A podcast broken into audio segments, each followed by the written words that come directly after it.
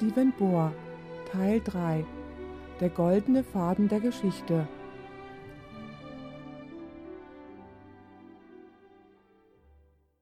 Lasst uns beten. Vater im Himmel, wir danken dir noch einmal für das Vorrecht hier zu sein und dein heiliges Wort zu studieren. Wir bitten dich um deinen Heiligen Geist, damit er uns führt, wenn wir das Buch 1. Mose öffnen. Hilf uns die großen Themen zu verstehen, die in diesem wunderbaren Buch enthalten sind. Und wir danken dir, dass du unser Gebet erhörst, denn wir bitten dies im Namen Jesu. Amen. Wir werden nun in unserem Studium dort weitermachen, wo wir beim letzten Vortrag aufgehört haben. 1. Mose 3, Vers 15. Was wir studiert haben, war, dass Adam und Eva gesündigt und ihre Stellung als Herrscher über diese Welt verloren haben. Und natürlich hat Gott über sie das Todesurteil verhängt. Aber wir haben gesehen, dass Gott in den Garten Eden kam und Adam und Eva die wunderbare Verheißung gegeben hat und sie zuhörten, als er mit der Schlange sprach. Und diese Worte Gottes an die Schlange war die Kriegserklärung, wie wir sie in 1. Mose 3, Vers 15 finden. Hier spricht Gott zu der Schlange. Ich will Feindschaft setzen zwischen dir und der Frau, zwischen deinem Samen und ihrem Samen. Der soll dir den Kopf zertreten, und du wirst ihn in die Ferse stechen. Drei Arten von Feindschaft zwischen der Schlange und der Frau, zwischen dem Samen und der Schlange und den Samen der Frau und zwischen dem Samen der Frau und der Schlange. Die Feindschaft geht also in drei Richtungen. Aber die richtige Feindschaft ist zwischen dem Samen der Frau und der Schlange. Denn im letzten Teil des Verses heißt es, er, der Same der Frau, wird dir, Schlange, den Kopf zertreten, und du wirst ihn verwunden, du wirst seine Verse verletzen. Anders gesagt, Gott sagt, ich werde einen Samen in die Welt senden, um Krieg mit dir zu führen. In diesem Krieg wirst du ihn verwunden und während du ihn verwundest, wird sein Fuß auf deinen Kopf herabkommen und wird ihn zertreten. Er wird dich auslöschen, er wird dich zerstören. Als Satan das hörte, hat er gezittert und hat sich seit diesem Zeitpunkt dazu entschlossen, dass er nicht erlauben würde, dass der Same in die Welt kommen würde. Und das erste Beispiel finden wir in 1. Mose 4, Vers 25. Wir alle kennen wahrscheinlich die Geschichte von Kain und Abel. Die Bibel erzählt uns, dass sich Kain erhob und seinen Bruder umgebracht hat. Nun ist die Frage, ob es wirklich Kain war, der Abel tot sehen wollte, oder ob jemand hinter den Kulissen war, der dies wollte. Die Tatsache ist, dass es in 1. Johannes 3, Vers 12 heißt: Nicht wie Kain, der von dem Bösen stammte und seinen Bruder umbrachte. Beachtet, dass dieser Text sagt, dass Kain von dem Bösen stammte. In anderen Worten, Kain hat nicht alleine gehandelt. Der Böse war hinter ihm und hat ihn dazu angestiftet, Abel umzubringen. Nun stellt sich die Frage, warum Satan Abel tot sehen wollte. Weil Gott in 1. Mose 3, Vers 15 versprochen hatte, dass er einen Samen in die Welt senden würde, um Krieg mit ihm zu führen, und dass er seinen Kopf zertreten würde. Und so hat sich der Teufel gedacht, vielleicht ist Abel dieser verheißene Same, oder vielleicht kommt der verheißene Same von ihm, und so werde ich das alles im Keim ersticken.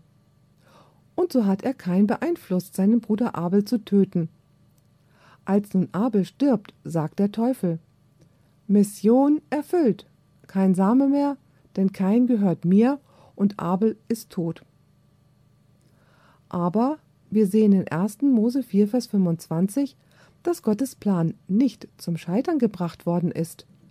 Es heißt hier, Adam erkannte abermals seine Frau, und sie gebar einen Sohn, den nannte sie Seth. Und dann erklärt sie, warum sie ihn Seth genannt hat. Seth bedeutet Ersatz oder anstelle von. Sie sagt dies, denn Gott hat mir, sprach sie, einen anderen Samen gegeben für Abel, den Kain erschlagen hat.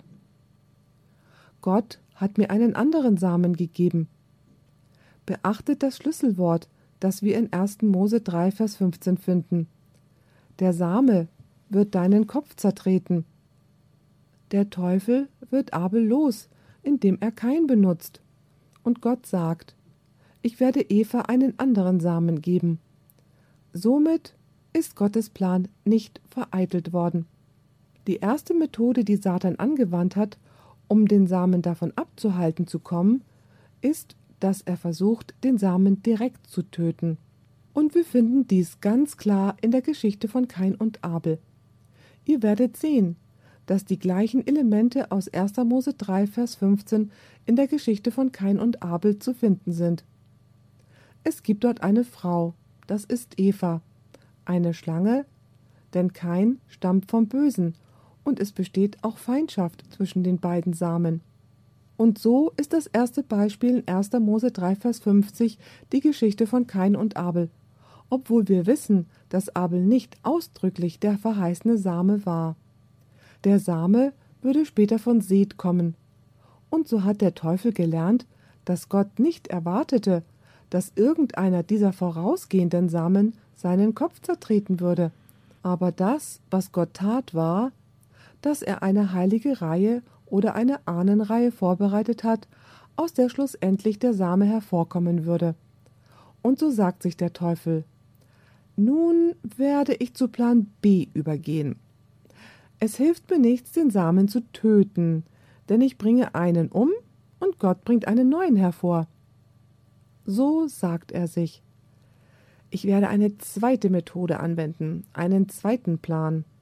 Und den finden wir in 1. Mose 6, Verse 1 und 2, Verse, die wir später noch studieren, wenn wir die Sintflut in den Tagen Noahs betrachten werden.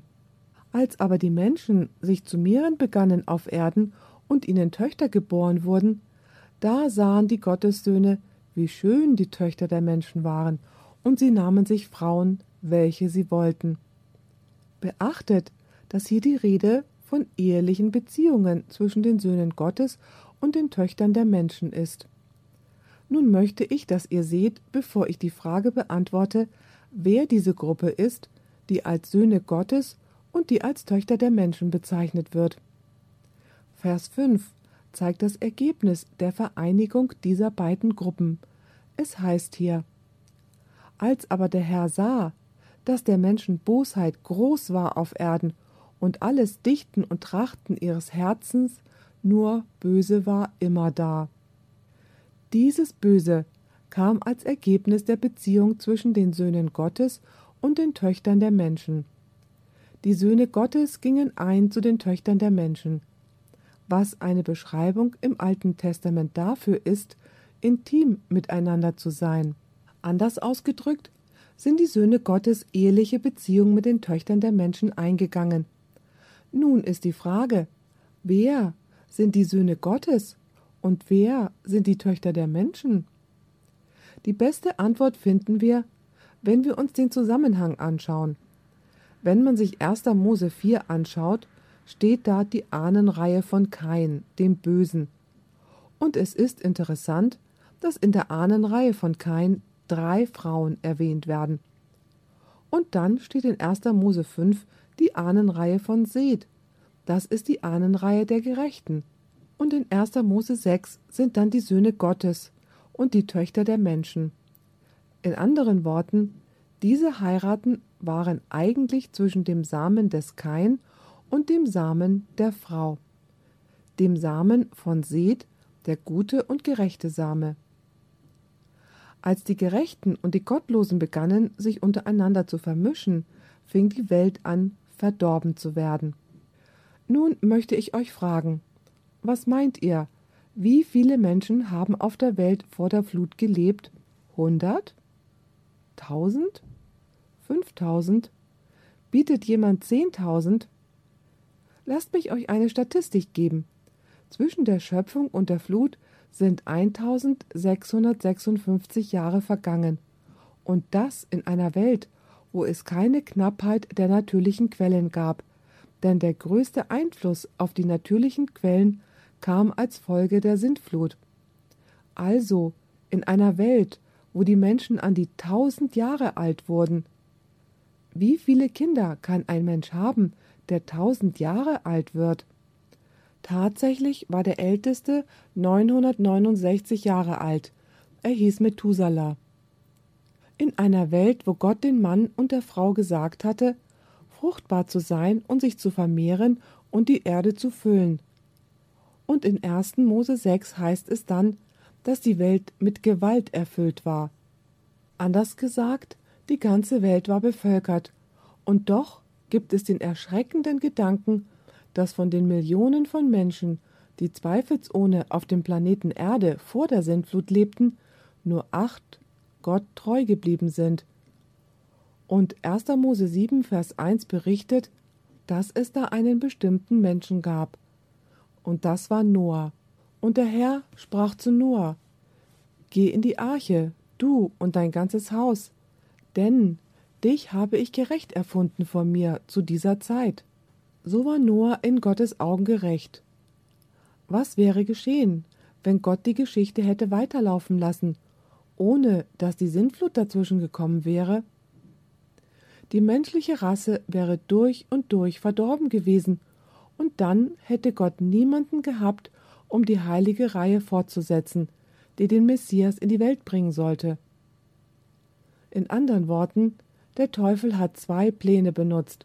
Plan 1 war, den Samen zu töten, und der zweite Plan war, die zwei Samen zu vermischen. Somit würde die Ahnenreihe der Gerechten ihre Identität verlieren. Und wenn sie ihre Identität verloren hätte, dann würde kein verheißener Same aus dieser Ahnenreihe hervorkommen. So sehen wir, wie der Teufel im ganzen Alten Testament diese zwei Methoden anwendet.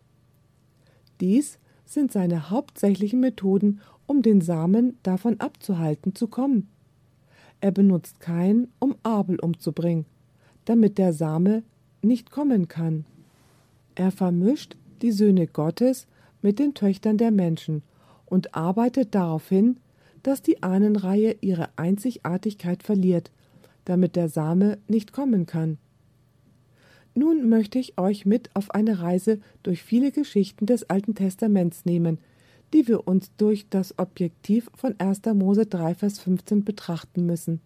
Dort sagt Gott zu Satan: Ich werde einen Samen senden, und dein Dasein ist damit in Gefahr.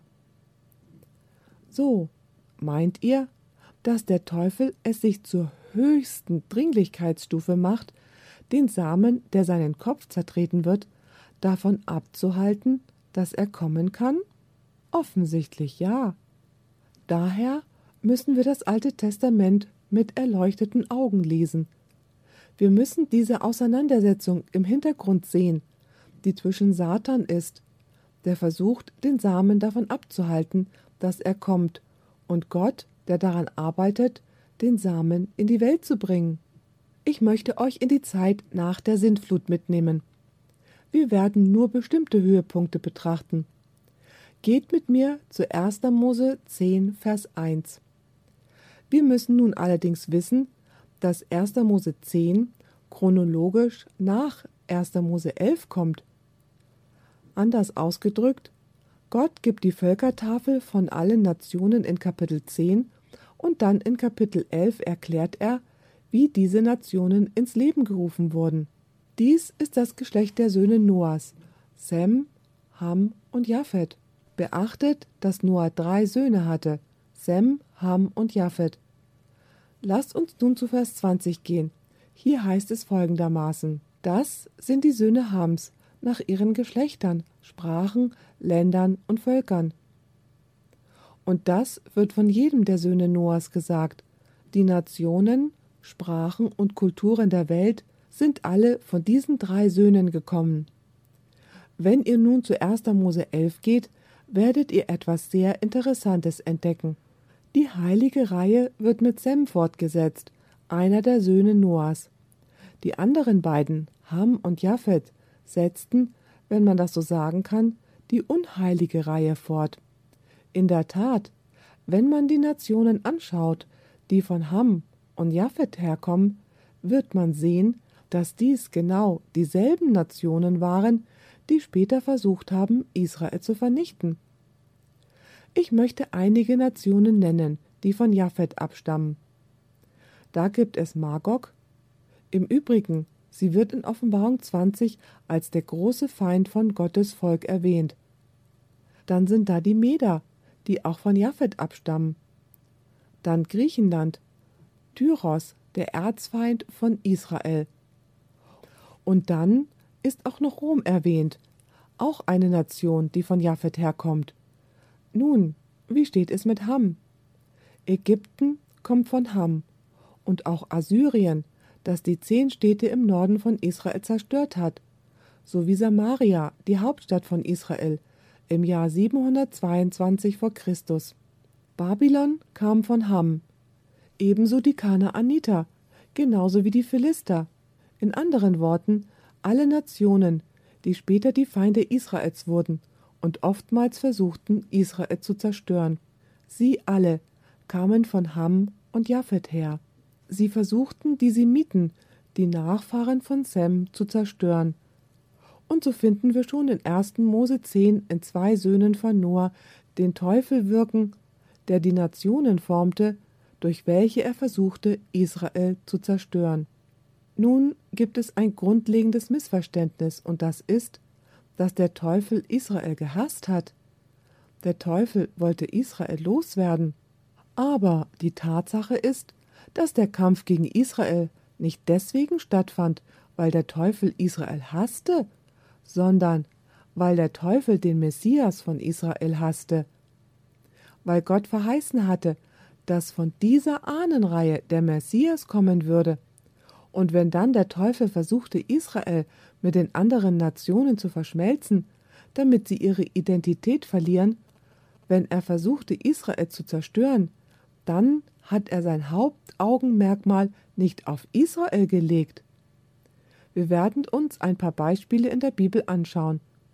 Indem er Israel angegriffen hat und versuchte es zu zerstören, war es die Art und Weise, auf der er die heilige Reihe durchtrennen und den Messias hindern konnte, zu kommen. Könnt ihr mir folgen, was ich sage? Auf diese Weise müssen wir es lesen. Alles, was der Teufel im Alten Testament tut, ist gedacht, um den Samen vom Kommen abzuhalten, weil seine Existenz auf dem Spiel steht. Lasst uns nun zu 1. Mose 11, Vers 4 gehen. Dies geschah etwa hundert Jahre nach der Sintflut. Wohlauf, lasst uns eine Stadt und einen Turm bauen, dessen Spitze an den Himmel reiche, damit wir uns einen Namen machen, denn wir werden sonst zerstreut in alle Länder.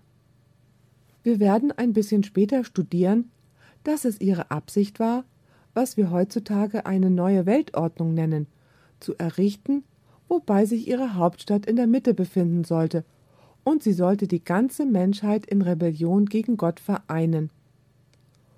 Und als ihr Vorhaben gescheitert ist, wurde dem Ort gemäß Vers 9 der Name Babel gegeben. Habt ihr von dem Turm zu Babel schon gehört? Im Buch der Offenbarung wird der Erzfeind von Gottes Volk wie genannt? Babylon. Hier ist der Ursprung von Babylon. Wisst ihr, es ist interessant, dass dort, wo der Turm zu Babel gebaut worden ist, die Familie eines sehr bekannten Mannes gewohnt hat. Er hieß Abraham. Er hat genau an diesem Ort gelebt, wo diese Turmbauer die Absicht hatten, eine Gesellschaft in Rebellion gegen Gott zu gründen. In der Tat war der Name des Drahtziehers in dem Unternehmen, den Turm von Babel zu bauen, Nimrod. Sein Name bedeutet Rebellion. Es war ein rebellisches Bestreben. Und Abraham lebte in der Gegend von Ur in Chaldea. Chaldea ist das uralte Babylon. Und wir sehen auch, dass Abraham und seine Familie durch die Götter in dieser Gegend verdorben wurden. Geht mit mir zum Buch Josua und dort Kapitel 24 und die Verse 2 und 3. Ich möchte, dass ihr beachtet, was Abraham und seiner Familie passiert ist, als sie dort in dieser abgefallenen Gegend, bekannt als Babel oder Babylon, lebten. Es heißt hier, Josua sprach zum ganzen Volk, So spricht der Herr, der Gott Israels. Eure Väter wohnten vor Zeiten jenseits des Euphratstroms, Terach, Abrahams und Nahors Vater. Und was war das Problem? Was haben sie gemacht? Und dienten anderen Göttern. Wurden sie durch die Götter Babylons verunreinigt? So war es. Und so heißt es weiter in Vers 3. Dann nahm ich euren Vater Abraham von jenseits des Stroms und ließ ihn umherziehen im ganzen Land Kanaan und mehrte sein Geschlecht. Der hebräische Originaltext sagt Same und mehrte seinen Samen und gab ihm Isaak. Was war also das Problem dort in Babel, wo sie geplant hatten, eine Gesellschaft in Rebellion gegen Gott zu gründen? Das Problem war, dass Abraham dort gelebt hat. Und es heißt, dass er und seine Familie anderen Göttern gedient haben. Aber Gott hatte Pläne für Abraham. Er konnte seine Pläne jedoch nicht zur Erfüllung bringen, solange Abraham dort in Babel, in Ur wohnte. Und so wird uns gesagt, dass Gott Abraham von diesem Ort, wo sie anderen Göttern gedient haben, weggenommen hat und ihn in das Land Kanaan brachte. Gott musste ihn fortführen, damit er durch diese Nationen nicht verunreinigt werden würde, weil dann schließlich der heilige Same, der von Abraham herkommen sollte, verschwinden würde. Wisst ihr? Gott wusste, was der Teufel zu tun versuchte, und so hat er Abraham fortgeführt, weil Gott Pläne hatte mit Abraham, etwas ganz Besonderes zu machen. Lasst uns das anschauen. 1. Mose 12, Verse 1 und 3. Es heißt hier: Und der Herr sprach zu Abraham: Geh aus deinem Vaterland. Beachtet, dass Gott sagt, Geh aus deinem Vaterland. Geh aus Babylon heraus. Wir werden noch in Offenbarung sehen, dass es einen Aufruf am Ende der Zeit gibt, aus Babylon herauszukommen. Geh aus deinem Vaterland und von deiner Verwandtschaft. Denn wir haben in Josua gesehen, dass seine Verwandtschaft anderen Göttern gedient hat. Und aus deines Vaters Hause in ein Land, das ich dir zeigen will. Und ich will dich zum großen Volk machen und will dich segnen und dir einen großen Namen machen, und du sollst ein Segen sein. Ich will segnen, die dich segnen, und verfluchen, die dich verfluchen. Und in dir sollen gesegnet werden alle Geschlechter auf Erden. Welche Pläne hatte Gott mit Abraham? Er hatte Pläne, dass durch Abraham alle Nationen auf der Erde gesegnet werden sollten. Aber nun hört, was ich sagen werde. Es war nicht Abraham, der diesen Segen bringen würde, es war der Same Abrahams. Abraham war nur das Instrument, das den Samen, den Messias, schließlich in die Welt bringen würde. Seht, was wir in 1. Mose 22, Vers 18 finden.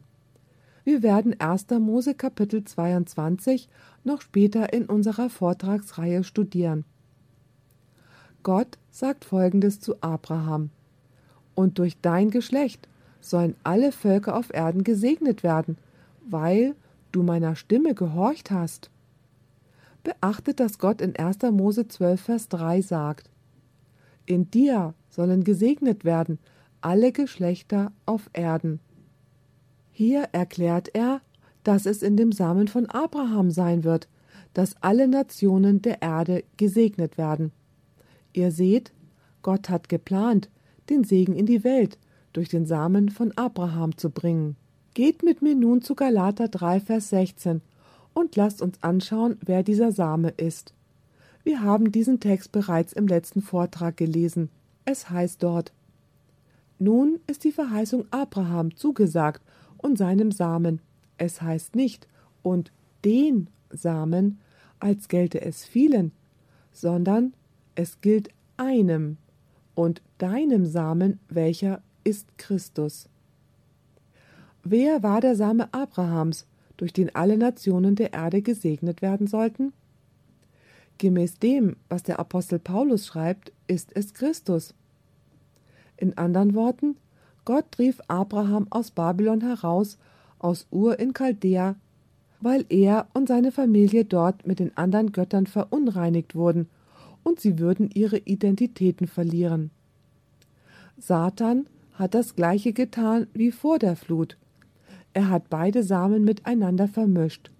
So holte ihn Gott aus Kanaan heraus und sagte: Und durch dein Geschlecht sollen alle Völker auf Erden gesegnet werden, weil du meiner Stimme gehorcht hast. Nun, der Teufel wusste, dass Gott einen besonderen Plan mit Abraham hat, und er wusste, dass Gott ihm versprochen hatte, ihm einen Samen oder den Samen zu geben. So sagte der Teufel nun zu Abraham Es sind schon viele, viele Jahre her, und du hast immer noch keinen Nachkommen. Deine Frau kann noch nicht einmal Kinder bekommen. Und so flüstert ihm der Teufel ins Ohr Abraham, vielleicht sieht der Plan ganz anders aus, den Gott im Kopf hat. Vielleicht solltest du ja Kinder auf eine andere Art und Weise haben.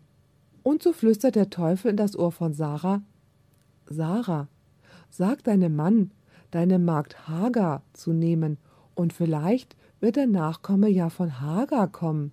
Beachtet, was wir in 1. Mose 16, Vers 2 finden. Es heißt hier: Und Sarai sprach zu Abram: Siehe, der Herr hat mich verschlossen, dass ich nicht gebären kann. Sie schiebt die Schuld auf Gott. Aber er war es ja gar nicht. Geh doch zu deiner Magd, ob ich vielleicht durch sie zu einem Sohn komme. Und Abram gehorchte der Stimme Sarais. Meint ihr, das war nur die Stimme von Sarah? Ganz und gar nicht. Denn wir haben da 1. Mose 3, Vers 15 im Hintergrund. Alles, was der Teufel tat, war in der Absicht, den Samen davon abzuhalten zu kommen oder den Samen zu vernichten. Nun, warum ist die Geburt dieses Kindes bedeutsam? Der Name, den das Kind trug, das Abraham mit Sarah hatte, war Ismael. Wisst ihr, was Ismael mit Isaak tun wollte, als dieser, als der verheißene Sohn geboren wurde? Er wollte ihn vernichten. Was meint ihr, wer Ismael dazu benutzte und wer vorherig Abraham und Sarah dazu angestiftet hat, ihn in die Welt zu setzen und als nun Isaak, der Sohn der Verheißung, geboren war, ihn zu töten? Es gibt keinen Zweifel daran, dass der Teufel derjenige war, der Isaak tot sehen wollte. Und ihr fragt wohl, wo sagt die Bibel das denn? Nun, in Galater 4, Vers 29 finden wir den Bezug auf Ismael. Es heißt hier: Aber wie zu jener Zeit der, der nach dem Fleisch gezeugt war, das ist Ismael, den verfolgte, der nach dem Geist gezeugt war, so geht es auch jetzt. Was hat das Kind nach dem Fleisch Ismael getan? Er hat das Kind, das nach dem Geist gezeugt war, verfolgt. Wer stand hinter Ismael?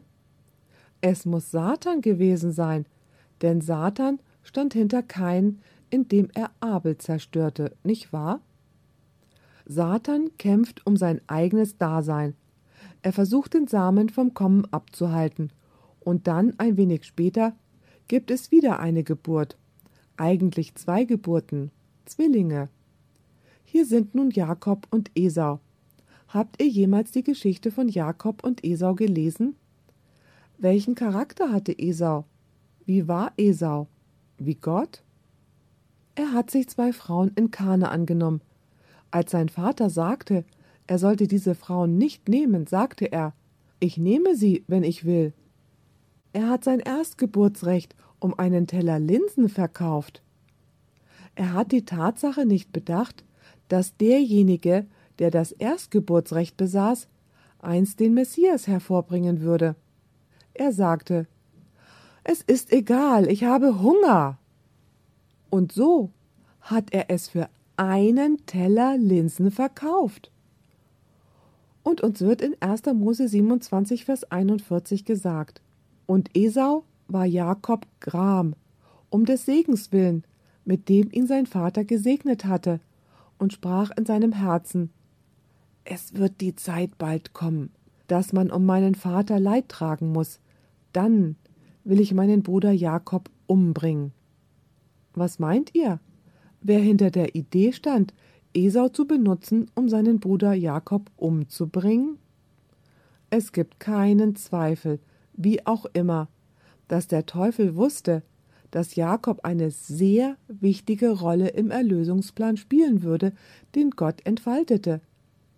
In der Tat würde der verheißene Same von einem der zwölf Söhne Jakobs, insbesondere von Juda, herkommen. Nun werden wir uns ein bisschen in die Tage von Josef begeben. In unserem nächsten Vortrag werden wir ein bisschen mehr über die Erfahrung von Josef studieren, weil das sehr, sehr interessant ist. Es hat viel damit zu tun, worüber wir in diesem Vortrag sprechen. Ich werde eine lange Geschichte kurz machen. Josef musste viele Ungerechtigkeiten erleiden. Alles schien falsch zu laufen, und er war doch ein gutes Kind. Er wurde als Sklave nach Ägypten verkauft. Weil er sich weigerte, Ehebruch zu begehen, landete er im Gefängnis. Jeder andere hätte gedacht, warum sollte ich mich noch darum kümmern, Gott zu dienen? Seht doch, was passiert, wenn man Gott dient. Aber er wusste, dass Gott einen Plan hatte und natürlich war dieser Plan, dass er einst Ministerpräsident von Ägypten werden würde, so dass, wenn sieben Jahre der Fülle kommen würden, er die Vorräte verwalten und den Überschuss, den das Land produziert hatte, lagern könnte. Damit also, wenn die sieben Jahre der Dürre kommen würden, die Menschen überleben könnten. Am Ende der Geschichte offenbart sich Josef seinen Brüdern, und seine Brüder umarmen ihn und sagen O Josef, es tut uns so leid, was wir getan haben, bitte vergib uns. Und wisst ihr, was Josef gesagt hat? Geht mit mir zu 1. Mose 45, Verse 5 bis 7. Josef sagt: Und nun bekümmert euch nicht und denkt nicht, dass ich darum zürne, dass ihr mich hierher verkauft habt, denn um eures Lebens willen hat mich Gott vor euch hergesandt. Denn es sind nun zwei Jahre, dass Hungersnot im Lande ist, und es sind noch fünf Jahre, dass weder Pflügen noch Ernten sein wird. Aber Gott hat mich vor euch hergesandt, dass er euch übrig lasse auf Erden und euer Leben erhalte zu einer großen Errettung. Meint ihr, dass Gott wusste, dass der Teufel diese sieben Jahre der Hungersnot veranlassen würde? Was war seine Absicht damit? Seine Absicht war, Jakob und seine Familie zu Tode hungern zu lassen. Aber Gott wusste das und hat Josef schon vorher nach Ägypten geschickt, um Vorkehrungen zu treffen. Und es heißt hier, und euer Leben erhalte zu einer großen Errettung. Andere Versionen übersetzen es mit Nachkommen. Damit ihr mit euren Familien überlebt nur so kann ein großes Volk aus euren Nachkommen entstehen. Seht ihr, was hier im Hintergrund vor sich geht? Alle diese Ereignisse, die stattfinden, offenbaren eine Verschwörung, die hinter den Kulissen stattfindet. Wir sehen nur die äußeren Ereignisse, aber wenn wir wissen, was Gott dem Teufel gesagt hat, der Same wird kommen, und er wird deinen Kopf zertreten dann wissen wir, dass der Teufel sagt, ich kann den Samen nicht kommen lassen. Und so, durch all diese Umstände und Ereignisse, versucht der Teufel den Samen davon abzuhalten, dass er kommt. Es gibt so viel, was wir noch sagen könnten, aber ich kann nicht alle Verse lesen, aber ich werde euch einen Eindruck davon vermitteln. Wir bewegen uns ein bisschen weiter in der Geschichte. Schauen wir uns nun 1. Mose 15, Vers 13 und 14 an. Hier gibt Gott Abraham eine Prophezeiung. Da sprach der Herr zu Abram: Das sollst du wissen, dass deine Nachkommen werden Fremdlinge sein in einem Lande, das nicht das ihre ist. Und da wird man sie zu dienen zwingen und plagen vierhundert Jahre. Aber ich will das Volk richten, dem sie dienen müssen. Danach sollen sie ausziehen mit großem Gut. Was sagt Gott hier? Er sagt, Dein Volk wird in ein gewisses Land gebracht werden. Wir wissen, dass dies Ägypten war. Und am Ende der vierhundert Jahre werde ich sie aus dem Land Ägypten wieder herausführen. Und an anderer Stelle sagt er, ich werde sie in das Land Kanaan bringen. Nun, ist es nicht interessant, dass Gott Israel aus Ägypten herausführen und nach Kanaan bringen würde? Wusstet ihr, dass Gott Abraham und seinem Samen das Land Kanaan versprochen hatte? Und viele glauben noch heute, dass die jüdische Nation das Land durch göttliches Recht besitzt. Aber wisst ihr, wenn wir die Schrift studieren, werden wir den Grund dafür entdecken, warum Gott Abraham und seinen Nachkommen das Land Kanaan gegeben hat. Der Grund dafür ist, dass Gott Pläne für die Geburt des Messias in diesem Land gehabt hat. Wurde Jesus dort geboren, was vorherig das Land Kanaan gewesen ist? So ist es. Er wurde in Bethlehem in Judäa geboren. Das war einst Kanaan. Und so hat der Teufel diese Prophezeiung gehört. Vierhundert Jahre danach würde Gott sie herausführen und sie nach Kanaan bringen. Meint ihr, der Teufel wollte, dass sie nach Kanaan gehen würden, wo dann der Messias geboren werden würde? Ganz und gar nicht. Was hat nun der Teufel mit Pharao gemacht? War es für Israel leicht, Ägypten zu verlassen? Es war ein Kampf, ein übernatürlicher Kampf. Wusstet ihr, dass Pharao in Hesekiel 29, Vers 3 der große Drache genannt wird? Rede und sprich, so spricht Gott der Herr, siehe, ich will an dich, Pharao, du König von Ägypten, du großer Drache. Pharao wurde der große Drache genannt, weil er der Samen des Drachen ist, und Pharao würde alles in seiner Macht Stehende tun, um Israel davon abzuhalten, Ägypten zu verlassen. Was meint ihr, wer es war, der nicht wollte, dass Israel Ägypten verlässt? Es war nicht nur Pharao alleine, es war Satan, weil er diese Prophezeiung kannte. Er wusste, dass wenn Israel in das Land Kanaan gehen würde, dass der verheißene Same dort geboren werden würde, denn er hatte schon gesehen, wie Gott Abraham aus Babel aus Ur gerufen hatte, um ihn in das Land Kanaan zu bringen. Der Teufel wusste, dass es etwas Besonderes gab, das in Kanaan stattfinden würde, und er würde Israel nicht erlauben, nach Kanaan zu reisen. So kam Israel an die Grenzen des verheißenen Landes, und sie haben Spione ausgesandt. Zehn von ihnen kamen mit einem schlechten Bericht zurück. Es gibt dort Riesen. Wir können nicht hineingehen. Was meint ihr, wer ihnen diesen Gedanken eingeflüstert hat, dass sie nicht in das Land Kanaan gehen könnten? Ihr seid nicht stark genug, geht zurück nach Ägypten. Das war nicht Gott. Das waren nicht ihre Gedanken.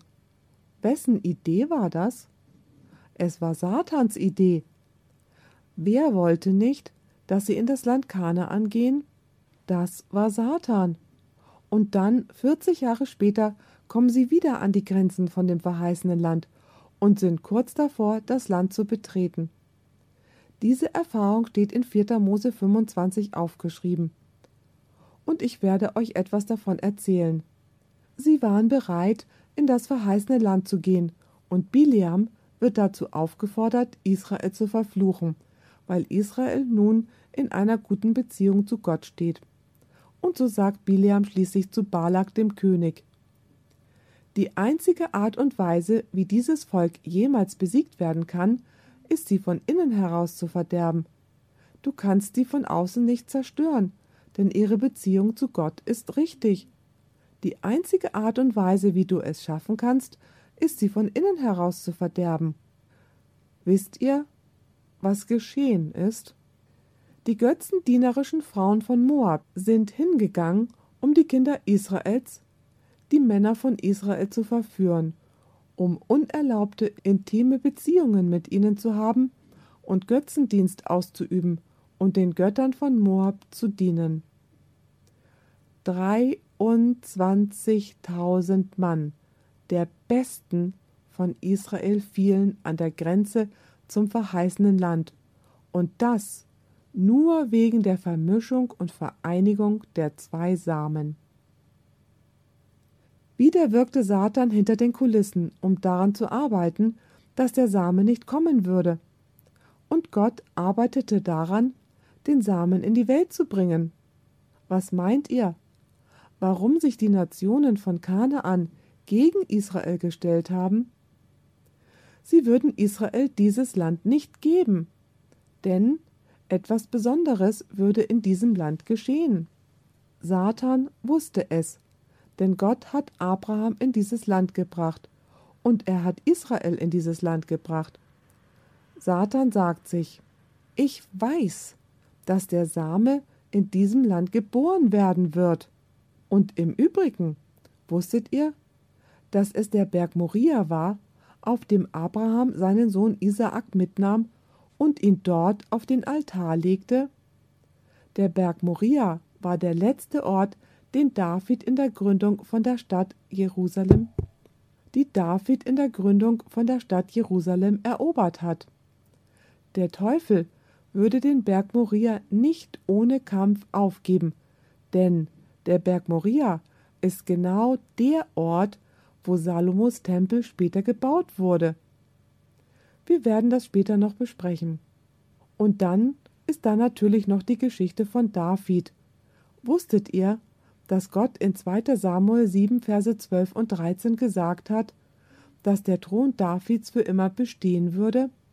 Gott würde David einen Samen geben, der für immer auf seinem Thron sitzen würde.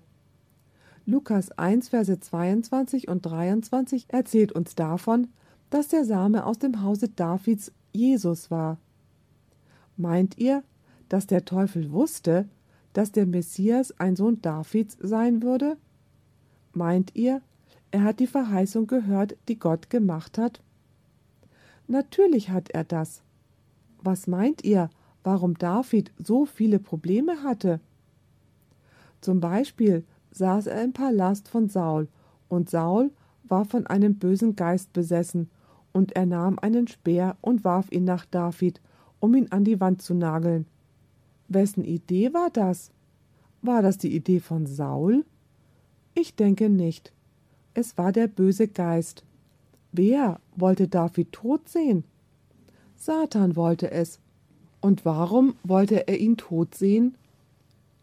Denn der Same würde von wem kommen? Von David dann können wir in 1. Chroniker 21, Verse 1 und 7 lesen, dass David das Volk zählen lassen wollte, dies aber Gott missfiel. In anderen Worten hat Gott zu David gesagt, Lasse Israel nicht zählen, denn deine Kraft ist in mir, nicht in Zahlen. Und so heißt es, dass Satan David dazu verführte, Israel zu zählen. Es war nämlich seine Absicht, dass wenn Israel gezählt werden würde, Gott David vernichten würde, denn der Same würde ja von David herkommen. Und dann natürlich die traurige Erfahrung von David und Bathseba. Der untätige Geist ist die Werkstatt des Teufels. Die Bibel sagt, dass David eigentlich im Krieg sein sollte, aber er hing untätig im Palast herum. Und dann geht er hinaus und sieht diese schöne Frau.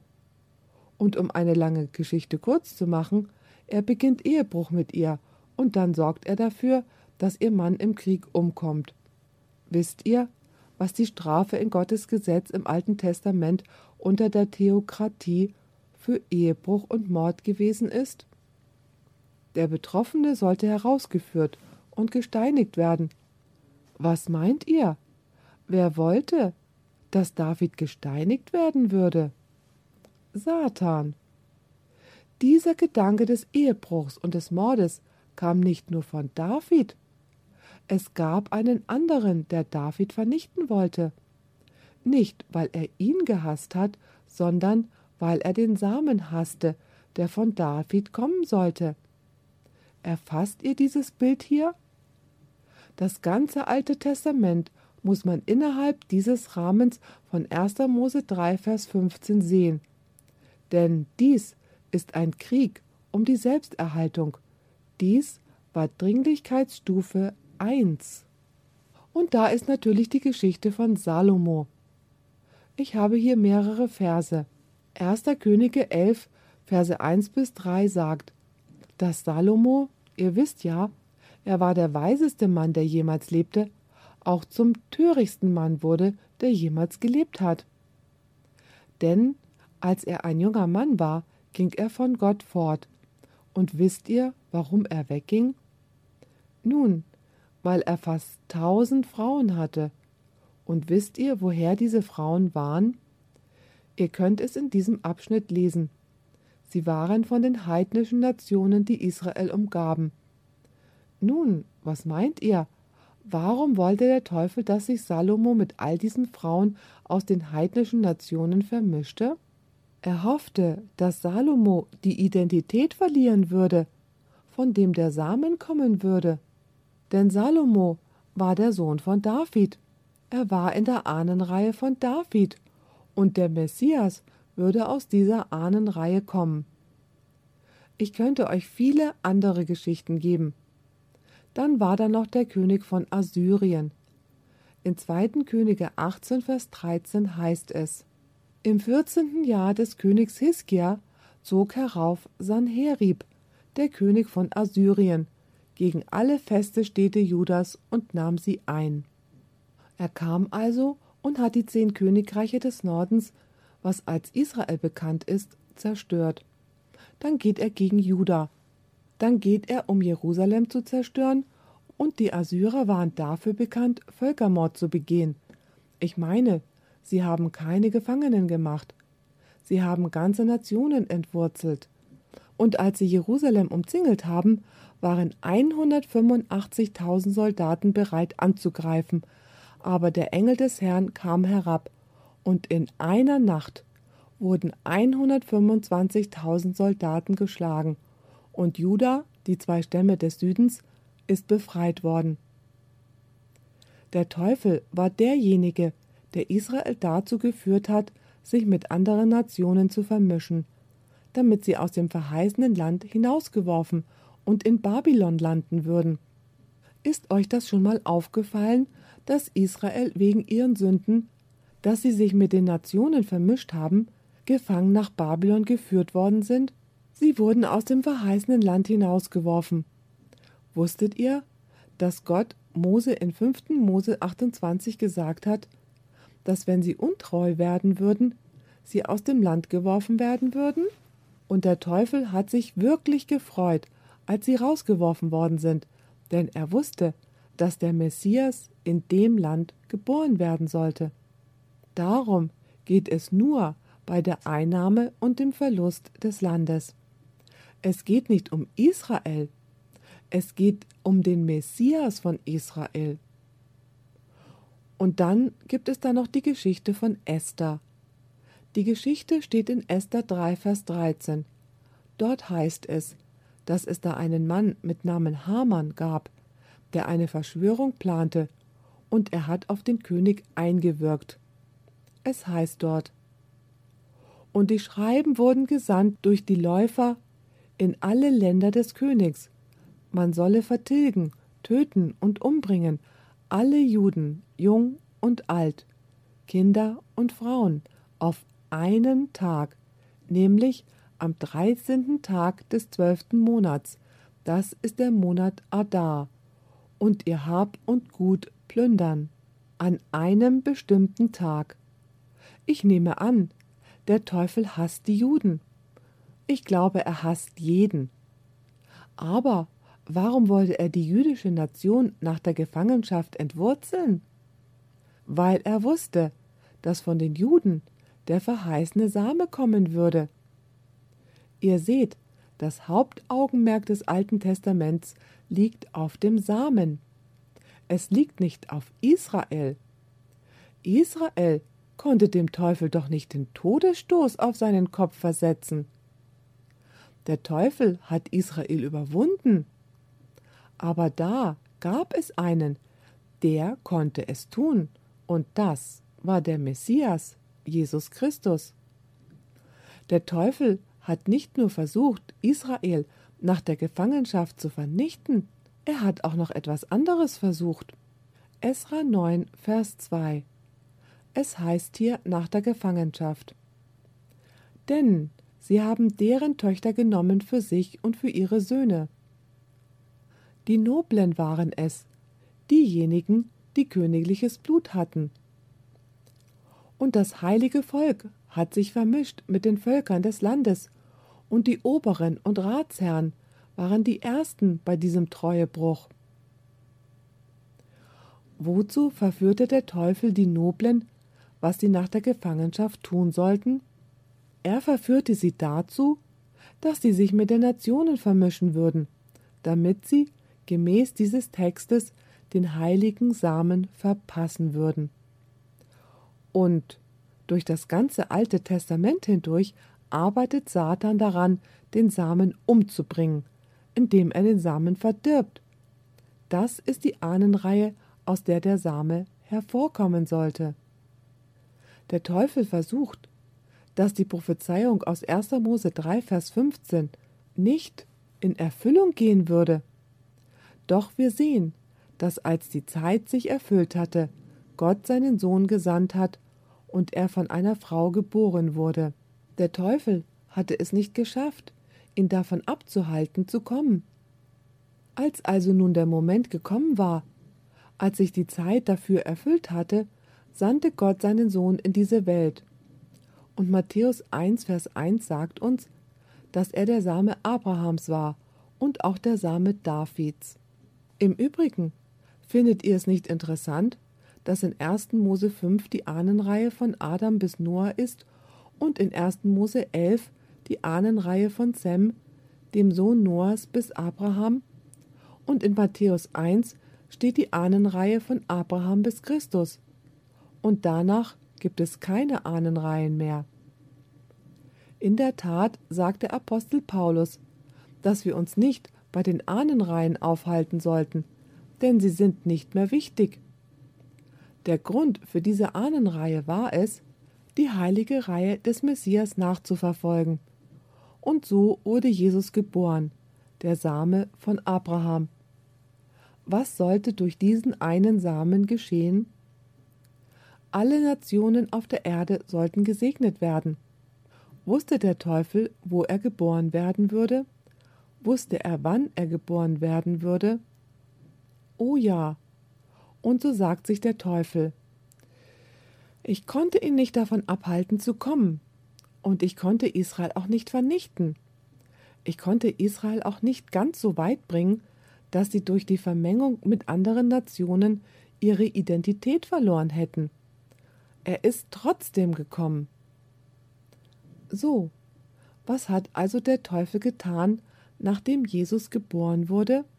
Geht mit mir zur Offenbarung 12, Vers 3. Es heißt hier, und es erschien ein anderes Zeichen am Himmel, und siehe, ein großer roter Drache, der hatte sieben Häupter und zehn Hörner, und auf seinen Häuptern sieben Kronen, und sein Schwanz fegte den dritten Teil der Sterne des Himmels hinweg und warf sie auf die Erde. Und nun beachtet, was jetzt kommt. Und der Drache trat vor die Frau, die gebären sollte, damit er, wenn sie geboren hätte, ihr Kind fräße. Sind hier die gleichen Elemente wie in 1. Mose 3, Vers 15 vorhanden? Gibt es eine Frau? Sicher. Gibt es den Samen der Frau? Ja. Gibt es einen Drachen oder eine Schlange? Ja. Gibt es Feindschaft? Ganz gewiss. Dies ist die erste Erfüllung von 1. Mose 3, Vers 15, wo es heißt, dass er, der Same der Frau, der soll dir den Kopf zertreten, und du wirst ihn in die Ferse stechen. In anderen Worten, Jesus wurde in diese Welt geboren, und der Teufel versucht ihn im Keim zu ersticken. Er versucht ihn zu vernichten. Aber so finden wir in Vers 5, dass es heißt, und ihr Kind wurde entrückt zu Gott und seinem Thron. So entkommt das Kind den Händen Satans. In der Tat kam Jesus in diese Welt und lebte ein vollkommenes Leben, das Leben, das du und ich leben sollten. Wenn ich ihn annehme, dann gibt er mir sein Leben. Er rechnet mir sein Leben zu. Dann starb er am Ende seines Lebens. Er starb den Tod, den ich hätte sterben sollen. Er starb für meine Sünden.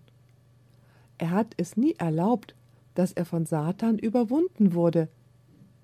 In anderen Worten, er hat die Verheißung aus 1. Mose 3, Vers 15 erfüllt. Er gab dem Teufel den Todesstoß auf seinen Kopf. Und dann ging Jesus zurück in den Himmel. Nun endet die Geschichte aber hier nicht, denn nachdem Jesus in den Himmel aufgefahren ist, sagte sich der Teufel Nun muss ich mit dem Zweitbesten vorlieb nehmen. Ich habe es nicht geschafft, den Samen der Frau zu besiegen, und nun werde ich die Frau verfolgen. In Offenbarung 12, Vers 13 heißt es dann, dass der Teufel die Frau, die den Samen in die Welt brachte, verfolgt.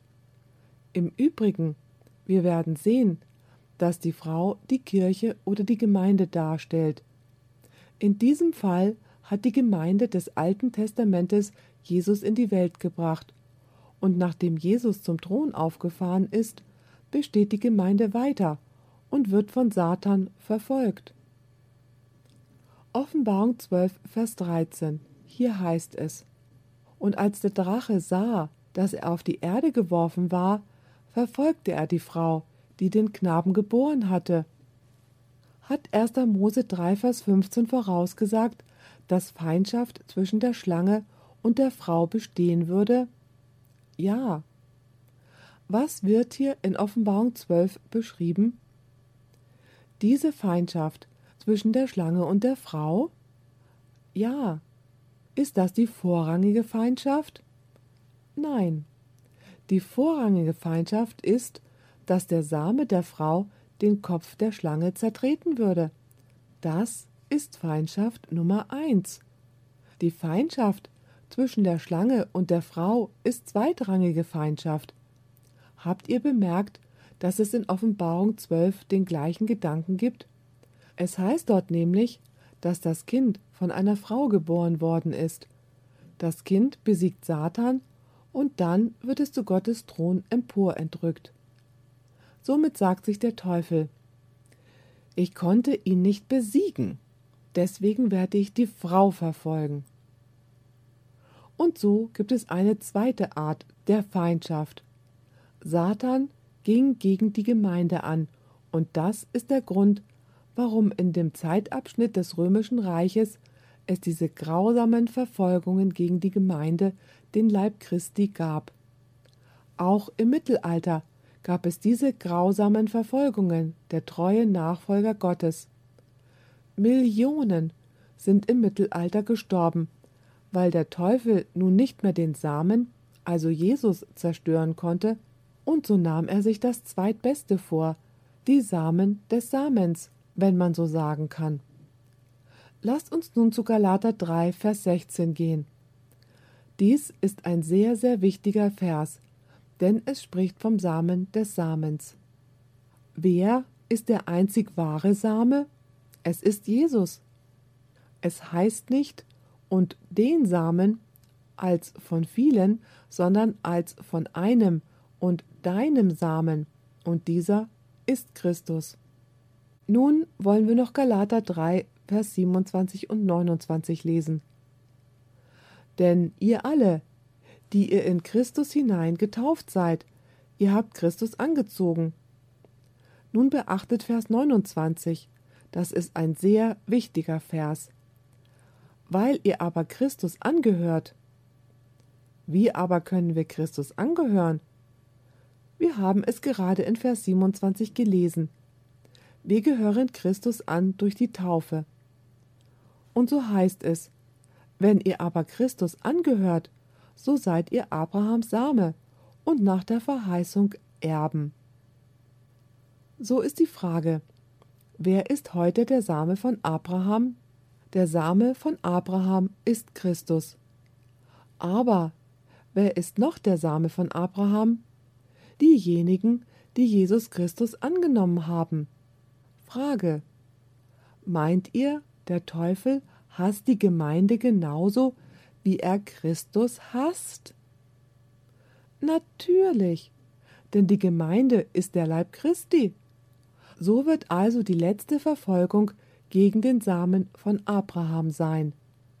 Abrahams geistlicher Same, die Jesus als ihren Herrn und Heiland angenommen haben. Nun der letzte Vers. Offenbarung 12, Vers 17. Dies spricht von der letzten Verfolgung. Und der Drache wurde zornig über die Frau. Hier gibt es vier Elemente aus 1. Mose 3, Vers 15. Drache, Frau und Feindschaft und die übrigen ihres Samens. Und dann heißt es, und ging hin zu kämpfen gegen die übrigen von ihrem Geschlecht, die Gottes Gebote halten und haben das Zeugnis Jesu. Diese Aufnahme wurde von Audioverse präsentiert eine Internetseite, die sich der Verbreitung des Wortes Gottes unter anderem durch kostenlose Predigtaufnahmen widmet.